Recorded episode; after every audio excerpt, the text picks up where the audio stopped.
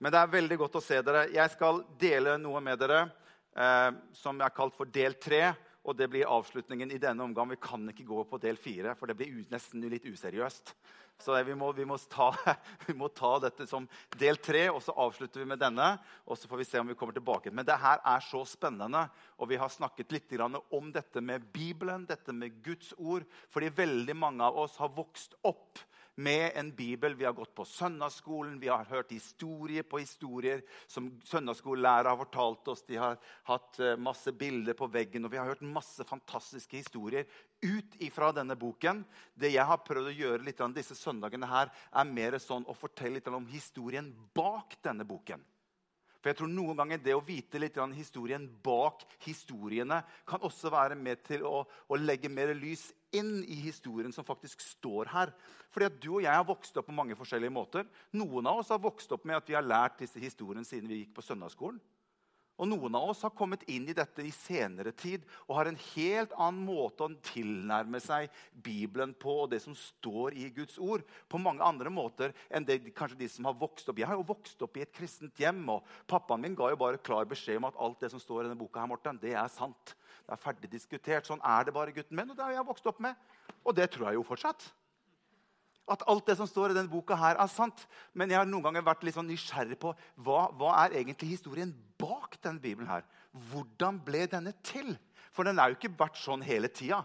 Det er jo ikke sånn at Gud måtte bare plutselig så, bare, så lå det et helt lager et eller annet sted nede i Israel med masse ferdigtrykte bibler som du og jeg kunne bare gå og hente ut og så kunne vi bare selge de liksom videre til Nei, nei, nei. Den har, har en historie. Og det er noe av det som jeg har ønsket å prøve å vise litt. Hvordan ble denne boken til? Og Det er det som vi skal konkludere litt med i formiddag. Men før vi går litt inn i hva skal vi si, inn i eh, det som jeg ønsker å dele, så har jeg lyst til å ta utgangspunkt i Johannes 1.1. Johannes 1.1. Og Hvis du gidder å sette på nedtelling på meg så hadde det vært eh, kjempefint. så får jeg, Da følger jeg med, så ikke vi havner langt ut på ettermiddagen i dag. for det er mye jeg ønsker å dele. Men Johannes 1 og vers 1. Jeg har lyst til at Vi skal ta utgangspunktet i dette, og så skal vi gå inn i litt mer sånn, sånn hard, hard, hard stuff, som de sier på engelsk, etterpå. Se hva som står her. I begynnelsen var Ordet.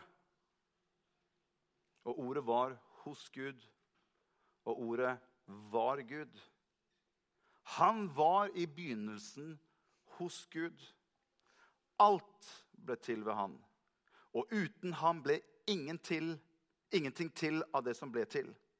I ham var liv, og livet var menneskenes lys. Og lyset skinner i mørket, og mørket forsto det ikke.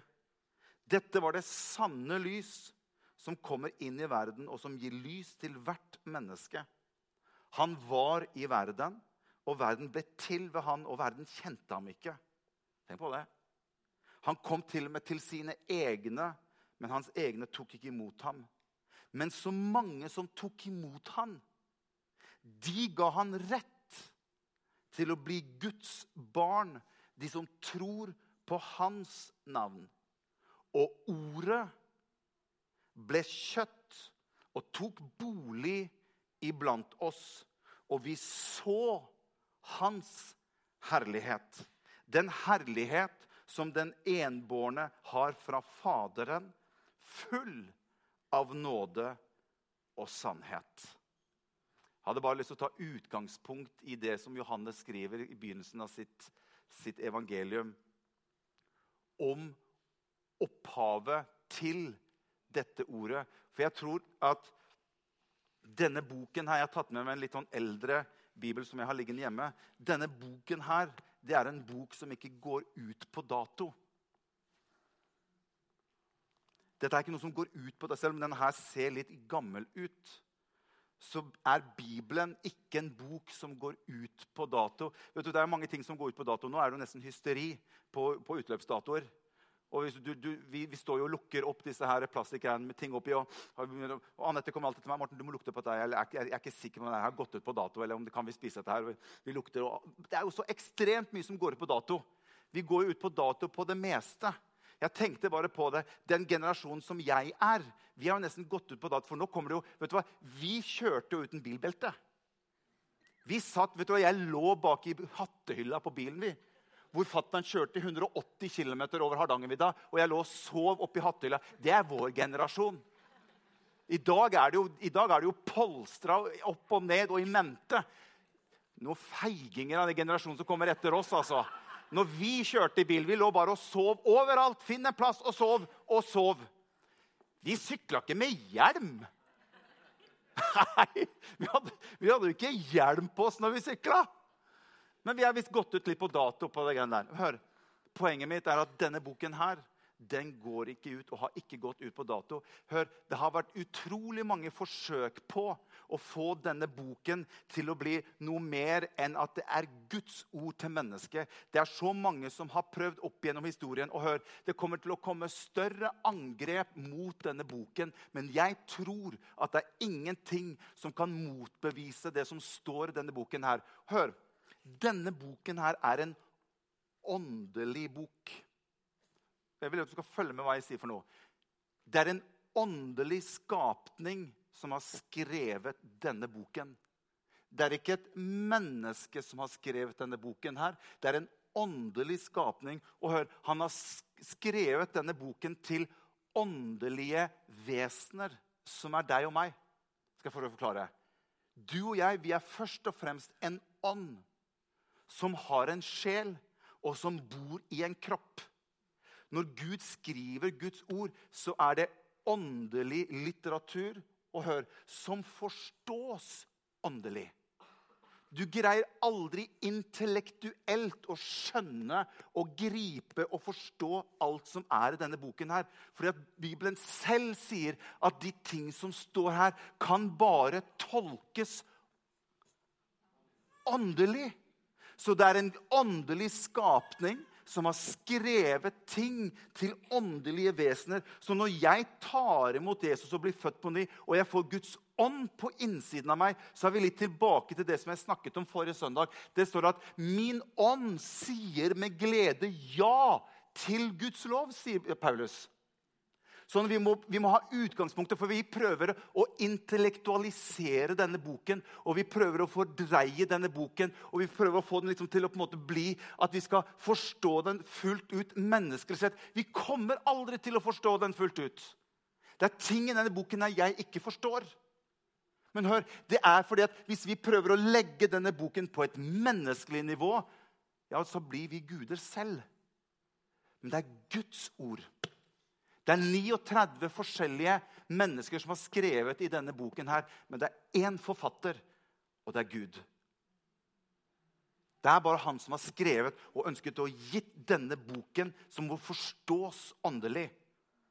Og det kommer til å komme mange flere angrep på denne boken her.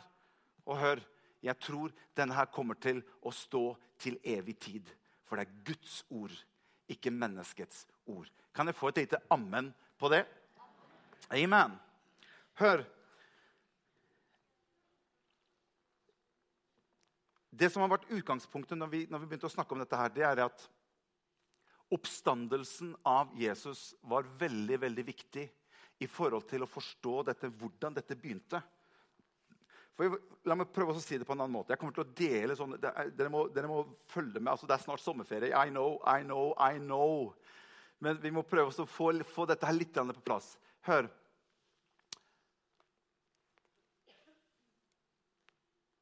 Det er ikke en bok som har skapt kristendommen. Det er en hendelse som har skapt kristendommen. Vi sitter ikke her i utgangspunktet fordi vi har lest en bok. Kristendommen ble ikke til fordi det var noen som leste noe men han har blitt til pga. hendelse. Og ut ifra hendelse så begynte noen å skrive. Og når de begynte å skrive, så begynte det å bli dannet en bevegelse av mennesker som hadde opplevd noe mer i livet sitt. Sånn at vi begynner å skjønne på en måte hvilken, hvilket utgangspunkt og hvilken vei det startet. Det startet ikke med å lese en bok, men det startet med at noen opplevde noe, og noen så noe. Og Vi skal få opp neste bilde, for dette var veldig viktig for de første kristne. Apostlene og disiplene og de som var sammen med Jesus, og de som opplevde at Jesus døde. I etterkant av det så var det dette som var viktig for dem. Dette var en slags form for bekjennelse som de sa til hverandre nesten hver eneste gang de møttes. Og legg merke til hva de sier for noe. De sier 'Kristus døde for vår synd' og ble begravet. Men han sto opp fra de døde og står der, og ble sett.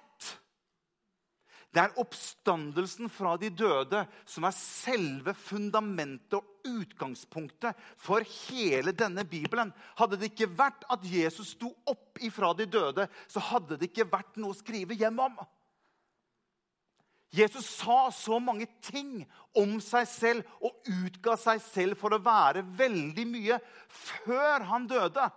Så hvis ikke han hadde oppstått etterpå, så hadde disiplene hatt et kjempeproblem. For de hadde fulgt en mann som utga seg for å være ganske mye.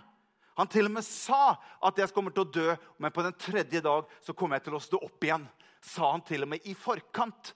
Og hør, Det er når de ser Jesus stå opp igjen ifra de døde, det er da virkelig gutta begynner å våkne. Og det er jo da gutta begynner å skrive og begynner å skrive ned. Dette må vi skrive ned og fortelle til mennesker. Så det er ikke en bok som er utgangspunktet. Det er en opplevelse av mennesker som var sammen med Jesus før han døde. Og de så han og var sammen med Jesus etter at han sto opp igjen ifra de døde. Og det er det som er selve grunnfjellet i alt som skjer i ettertid. At dette begynner å spre seg utover. Det var ikke fordi at det var en fin bok. Og vi må aldri gjøre denne boken om til Det er fint litterært litteratur i denne, absolutt. Men det her er ikke en, er ikke en roman. Det her er ikke en historisk bok. Vi må ikke dra det ned på et menneskenivå sammen med annen litteratur. Du kan få veldig mange fine dikt og du kan lese veldig mange historiske hendelser. Men det er ikke det det er. Det er Guds ord til mennesket. Det er det det er. Er dere her? Bra! Og, jeg, og, Det er det jeg ønsker bare å, å ta litt utgangspunkt i når vi, når vi, har snakket om hvordan hele denne Bibelen her, hva skal vi si, kom til live. Hva skjedde? Jo, gutta så jo Jesus. Vi var sammen med han, skriver de. Han var i rommet sammen med oss. Vi kjente til og med på sårene hans. Han spiste sammen med oss. Han var sammen med oss i 40 dager etter sin oppstandelse. Og han lærte oss om Guds rike. Vi delte fellesskapet med han. Vi lo sammen, vi gråt sammen. Og vi var sammen med Jesus. Vi så han med våre egne øyne. Og Det er dette som er så fantastisk, at vi må begynne å skrive ned dette fordi vi har sett han. Og det er det som har vært så viktig i alt som ble skrevet i den nytestamentlige tid. Det var å legge noen regler for hvordan skal vi bekrefte hva som skal tas med i en bibel videre. Og det er det jeg ønsker å bare komme litt inn på. For Vi har snakket litt om hvordan dette begynte. Og vi snakket om Lukas. Han var den som var i starten med å begynne å skrive og dokumentere ned alt som hadde skjedd, med øyenvitner. Han skulle skrive til sin gode venn Theofilus som hadde bedt han å si at vet du hva, nå er det veldig mye rart som foregår rundt omkring. Kan ikke du Lukas, kan ikke du skrive ned og fortelle litt sånn nøyaktig hva er det jeg skal forholde meg til? Og så skriver Lukas dette Lukas-brevet, eller dokumentet. Men han skriver ikke en bibel. Han skriver sitt dokument. Han visste ikke at han skulle sitte og skrive nå, nå skriver vi en bibel. dere. Nei, nei, nei, nei. Han skrev sitt dokument til Theofilus. Og det de skrev, ble etter hvert tatt med, og det var øyenvitner. Og det var de som var nært innpå, hadde sett. Og vi skal komme litt tilbake til det. Henger du med fortsatt? For Jeg har lyst til å si litt om historien for hvordan hva skal vi si, hele denne Bibelen har blitt satt sammen. Jeg har lyst til å bare dele. Det her blir litt sånn historisk eh, søndagsgudstjeneste. Altså ikke, det blir ikke en historisk søndagsgudstjeneste, men det blir en søndagsgudstjeneste med litt historie. Det var litt voldsomt. Det, var en historisk søndagsgudstjeneste. Altså Men la oss få opp litt. Jeg har prøvd å sette sammen Dette er bare en forenklet utgave, for det er så ekstremt mye jeg kunne tatt med. Men jeg prøver å, prøve å forklare dere kort. Og nå må du følge med. Også hvis naboen har øya igjen, så må du bare dunke litt i siden. at han får øya opp igjen. For dette her er viktig at vi som tror på Bibelen, har litt sånn forståelse for, for, hvordan begynte alt dette her. Så Hvis vi går til venstre, så har, ser du den linja. Det er før Kristus. Altså før, før null. da. Den hebraiske bibelen den var jo allerede ganske klar når disiplene kom og Jesus kom. Og De eldste skriftene som vi har tilbake i den hebraiske bibelen, tegner seg til ca. 800 år før Kristus.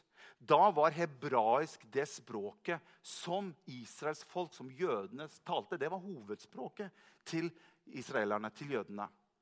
Når jødene ble ført ut i eksil til Babylon, så begynte det å skje et skifte i morsmålet holdt på å si, til veldig mange av de jødene som bodde på utsiden da, av Palestina. Hør, Da begynte gresk å bli det språket som tok over og ble hovedspråket for israelerne.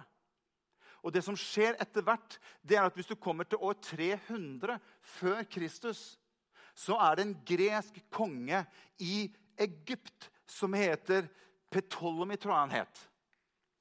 Han hadde det store biblioteket i Alexandria. Det er verdens største bibliotek. Og Han kom til noen rabbinere og så sier han det. Er det mulig at dere kunne ta Toraen, som er de fem Mosebøkene, kunne dere ha tatt og oversatt det til gresk? Fordi at han ønsket å ha hva skal vi si, Toran han ønsket å ha det på gresk i sitt bibliotek. Han, på Ptolemy, han var veldig opptatt med å bygge opp det store biblioteket som han, de hadde da i Alexandria. Og Det satte de i gang med ca. 300 år før Kristus. Så begynte noen rabbinere å oversette Toran, altså de fem Mosebøkene, til gresk. Men det endte opp med at han ønsket å ha hele Det gamle testamentet, alle de jødiske skriftene som per da var status som Det gamle testamentet, som vi vil kalle, det ønsket han også å få oversatt til gresk. Og Det er derfor vi får det ordet som heter septaginta. Septu, det er 70. Ca. 70 eller 70. Historien forteller at, at Potelemo han sa det at samle sammen 72 rabbinere, seks rabbinere fra hver av de tolv stammene. La dem komme til Alexandria, og så satte han dem i hvert sitt rom, sier historien. Og så skulle de oversette resten av det hebraiske dokumentet over til gresk. Ut ifra det så fikk vi Septaginta, som ble hoved, hva skal vi si, hovedgammeltestamentet på gresk for jødene. Så når du kommer over til Jesus sin tid og til disiplene, så var gresk begynt å bli det som er hovedmålet til israelerne. hva de snakket. Og da var det Septugintan som ofte ble referert til fra Jesus. Når han refererte til Skriften, så er det Septugintan han refererte til. når han snakket om, Har dere ikke lest om at det står i? Har dere ikke hørt hva profeten sier? Da var det ut ifra den oversettelsen og ikke fra den hebraiske bibelen. Når de oversatte Henger dere med? Ja. Når de oversatte dette, så tar disse rabbinerne med seg noen flere bøker inn i denne oversettelsen. Som vi i dag vil kalle for de apokryfiske bøker. Det var syv ekstra dokumenter eller bøker som de dro med inn i den oversettelsen som ble med over også da i det, si, den nye tid med Jesus og disiplene. Så apokryfebøkene hadde flere bøker. Første, andre, makabeerne. og Det var flere der som, som, som, ble med inn i den bibelen, som ble på en måte hovedbibelen for si, de første kristne fra Gamle Testamentet. Ok, Så kommer vi til Jesus og disiplene. Så kommer vi til oppstandelsen, så begynner Lukas og disse her å begynne å skrive. Og så begynner på en måte disse brevene å dukke opp. Vi snakket om at Paulus han skrev veldig mange av sine brev. Lukas, Markus, eh, hva heter vi, Matteus og Matteus, Markus, Lukas og Johannes. Vi bare starte på starten. Da, da kommer det med en gang. Matteus, Markus, Lukas og Johannes begynte å skrive sine evangelier. Paulus begynte å skrive sine. Og i denne perioden her så måtte de holde veldig mye skjult, for det var veldig forfølgelse av de kristne. Så dokumentene som ble brukt, på en måte ble, det ble liksom sånn andre, det ble litt under bordet, og, og det, det, fløt litt fram og tilbake. Man kunne ikke ha dette åpent i, i åpenlys. Hva skal si?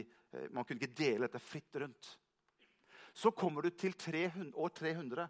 Keiser Konstantin, som er keiser i Roma. Han er den første som blir en kristen. Han åpner opp og sier at det skal få lov til å være en religionsfrihet i det romerske riket. Og da skjer det noe. Da begynner de lærde å kunne komme sammen for første gang. Og begynne å samle sammen de som hadde tatt imot Jesus. De begynte da å begynne å samle sammen. Hvordan skal Skriften se ut nå? Henger dere med fortsatt? Dette er litt sånn, Men, men dere, dere, er såpass våkne tenker jeg, at dere henger på dette her. Så begynte de å tenke hva skal være med i denne samlingen av Nytestamentet. Det kalles for kanoniseringen av Bibelen. Så Konstantin, han, eh, Historien sier til og med at det romerske riket faktisk var med å, å, å, å eh, finansiere kanoniseringen av mye av Det nye testamentet. Og så går det, Her skjer det veldig mye. Konstantin år 300. Rådsmøte i Hippo. Her er det mange forskjellige rådsgrupper rundt omkring som kommer sammen. Og de diskuterer hvilke bøker, hvilke brev skal være anerkjente som det nye testamentlige hva skal vi si, bok, Bibel. Hvem skal være med? Hvem skal vi ekskludere? Og De tok da utgangspunktet i det som var Septugintaen, og det ble på en måte den gamle testamentet av det. Og så slo de det sammen. og Der skjer det masse opp igjennom. Og det ble da 27 bøker eller brev i Det nye testamentet. Masse fram og tilbake. Noen var skeptisk til det ene, noen var skeptisk til noen andre brev. Og, det var litt sånn mye diskusjon fram og tilbake på hvilke bøker som skulle være med. Hvorfor forteller jeg dere alt dette her? Jo, for jeg vil at dere skal forstå at historien har hatt sin inngripen på hvorfor er noe blitt med. Du, jo, du, og jeg vi har nesten ikke tenkt om at ja, det er jo 27 brev i Nytestamentet. So what? Ja, men Dette har vært diskutert i 1000 år. 1500 år, 2000 år. For det var mange andre. Det lå tusenvis av dokumenter og fløyt rundt omkring av folk som hadde skrevet, og de mente at dette er gudsinspirert, så dette må være med. Og så skulle noen prøve å samle dette sammen til hva er ekte. Hva er Guds ord? Hvilke bøker skal være med i Det nye testamentet? Og etter fram og tilbake, Jeg kunne gått inn på å forklare litt om hvordan kanoniseringen skjer. Hvordan de gjør for å hva skal vi si, bekrefte. Men det var regler som var strenge for hva er riktig, hva er gud, guddommelig. Og det kan vi ta med i Skriften. Så jeg har bare skrevet noen andre ting. Vulgata ble jo da den romersk-katolske, kjente latinske bibel og latin ble det teologiske språk i hele den katolske kirke. Bare sånn by the way, Den får du som bonus. Det skjer rundt 405. Han heter Hieronymus, eller Eusebius, som også noen kaller han. Han fikk i, oppgave å oversette Septuagintan, men han gikk ikke til Septuagintan for å oversette. Han gikk til den hebraiske bibelen og oversatte rett fra den hebraiske og til Vulgata, som den latinske bibelen ble hetende da. Og dette blir da Bibelen til de kristne helt fram til ca. 1500, når Martin Luther kommer på banen. Og Han begynner nå på nytt igjen å sette spørsmålstegn ved disse syv bøkene som de hadde tatt med i Septagintan. Så det er Martin Luther som begynner å komme inn. Du, vet du hva? De der makabeerne og noen av disse her, Jeg får ikke dette helt til å stemme. Blant annet I Makabeeren så står det at du kan be for de døde. For eksempel. det var jo én ting som de syntes var vanskelig å skulle akseptere. At vi kristne skulle kunne be for de døde. Så den protestant... Jeg har tatt to piler ut fra 1500-tallet. Sånn at i dag, når vi snakker om den protestantiske bibelen, så er den 39 gammeltestamentlige bøker pluss 27 nytestamentlige bøker. Mens den katolske kirke de ønsket ikke å høre på Martin Luther. Det var andre ting de ikke ønsket å høre på Martin Luther når han kom med reformasjonen sin. Så de sa nei. De apokryfiske bøkene, disse bøkene skal fortsatt være en del av Det gamle testamentet. Og der skilte på en måte det lag etter Martin. For de protestantiske kristne de tok ad notam av det Martin Luther hadde. Han hadde jo til og med noen i Nytestamentet som han også mente var litt skeptisk. Han var veldig skeptisk til Johannes' åpenbaring. Han var veldig skeptisk i hebreerbrevet. Jakob og Johannes, som har skrevet også Nyttestamentet, det var Martin Luther veldig skeptisk til. Men de sa at nei, de her er ekte. De består. Så da endte vi opp med 27 bøker i Nytestamentet, 39 i Det gamle testamentet. Mens den katolske kirke fortsatt i dag har syv ekstra bøker i sitt gamle testamente.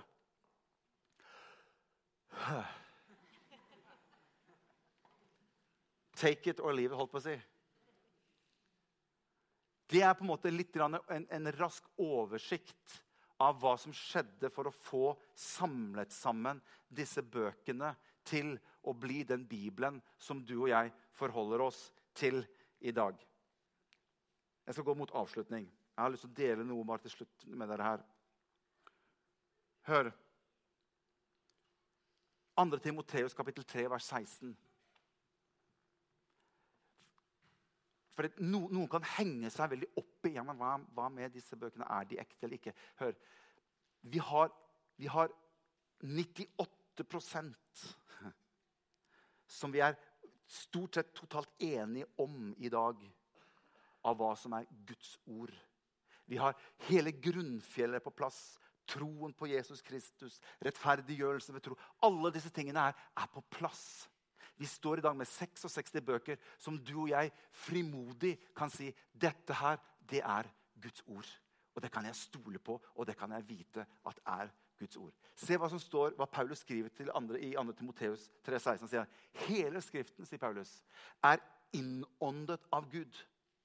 Og den er nyttig til lærdom, til overbevisning, til rettledning og til opplæring i rettferdighet. Hør, Jeg har lyst til å si noe om Guds ord til slutt. For jeg tror det er utrolig viktig at du og jeg lærer oss å ta til oss av Guds ord.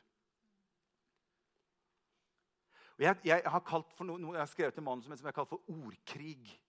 Jeg tror det er en ordkrig du og jeg står i som menneske. Det er tre aktører. Det er den onde, det er Gud, og så er det deg og meg. I denne ordkrigen er det så viktig at du og jeg fyller på med det som har med Guds ord å gjøre, inn i ditt og mitt liv. Jeg kan ikke tvinge noen, men jeg vil anbefale å fylle deg med dette her hver eneste dag. Og jeg har lyst til å si, Når vi går inn i sommeren, og lag deg en, en leseplan, eller finn en sånn sommerkalenderplan på Guds ord, og fyll deg med dette hver eneste dag. Vi fyller oss med så mye annet i hverdagen vår. Og Det er derfor jeg har bare si litt om den krigen til slutt. Og så har jeg lyst til å si hvem som vinner den krigen. Og så er jeg ferdig. Hør.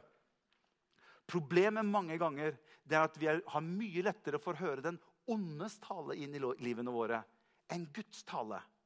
Ondes ord inn i livene våre enn Guds ord inn i livene våre.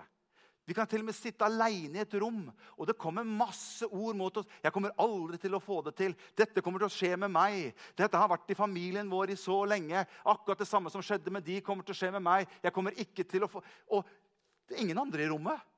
Men disse tankene de går og de går og de går. Og de går. Og, hør, og vi gir så mye tid til den ene karen som sitter på den ene siden av skulderen vår og hvisker ord inn i øret vårt dag ut og dag inn. Det kommer ikke til å gå bra. Du kommer ikke til å få det til. Det kommer ikke til å skje. Og vi lar han få lov til å hviske inn. Og hør, jeg vil i hvert fall oppfordre oss alle sammen. Gi i hvert fall den andre karen da. I hvert fall like mye tid til å snakke inn i øret vårt på den andre siden, som har med dette å gjøre. Og Det er derfor jeg føler det er så viktig at vi greier å fylle oss med de andre ordene. For vi er midt oppi en ordkrig hvor den onde ønsker å bombardere deg og meg med ord som bare raser inn i sinnet vårt og i tankene våre. Og vi nesten uten filter tar bare inn, og vi tenker på det, og vi absorberer det, og vi vurderer det, og vi til og med lar litt frykt komme inn, og tvil komme inn. og Vi blir så bombardert av alle disse ordene. Se hva som står i Åpenbaring kapittel 12, vers 9. Åpenbaringen 12, 9. Der står det Så spydde slangen Hvem er slangen? Den onde Se, han spydde vann. Bibelen, Guds ord, kan ofte defineres som vann. Bare sånn at vi skjønner symbolene her. Brød, vann osv. Så, videre, så, så spydde slangen vann som en flodbølge. Hvor kommer det vannet fra? Ut av munnen sin.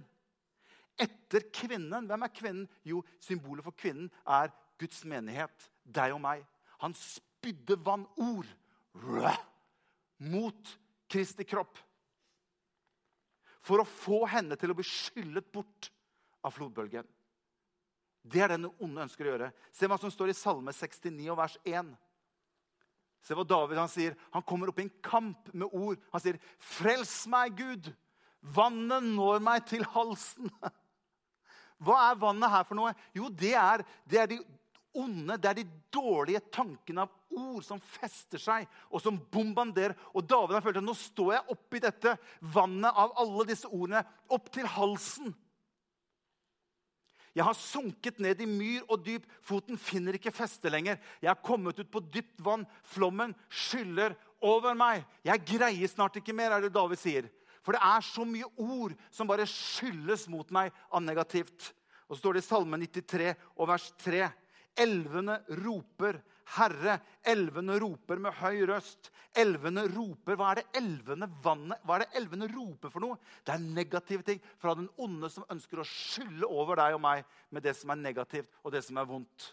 Elvene roper med drønnende røst, men Herren er mektig i det høye. Mer mektig enn bruset fra veldige vann, enn havets mektige brenninger. Det fins noe som er en motstand mot alle de andre ordene som bombanderer deg og meg i hverdagen vår. Og Vi kan ikke regne med at vi skal få på en måte bare livet til å bli en dans på roser. At Gud skal på en måte bare gripe inn alltid når du og jeg ønsker det eller ikke ønsker det. Og så skal vi aldri lese eller fylle oss med, det som står her.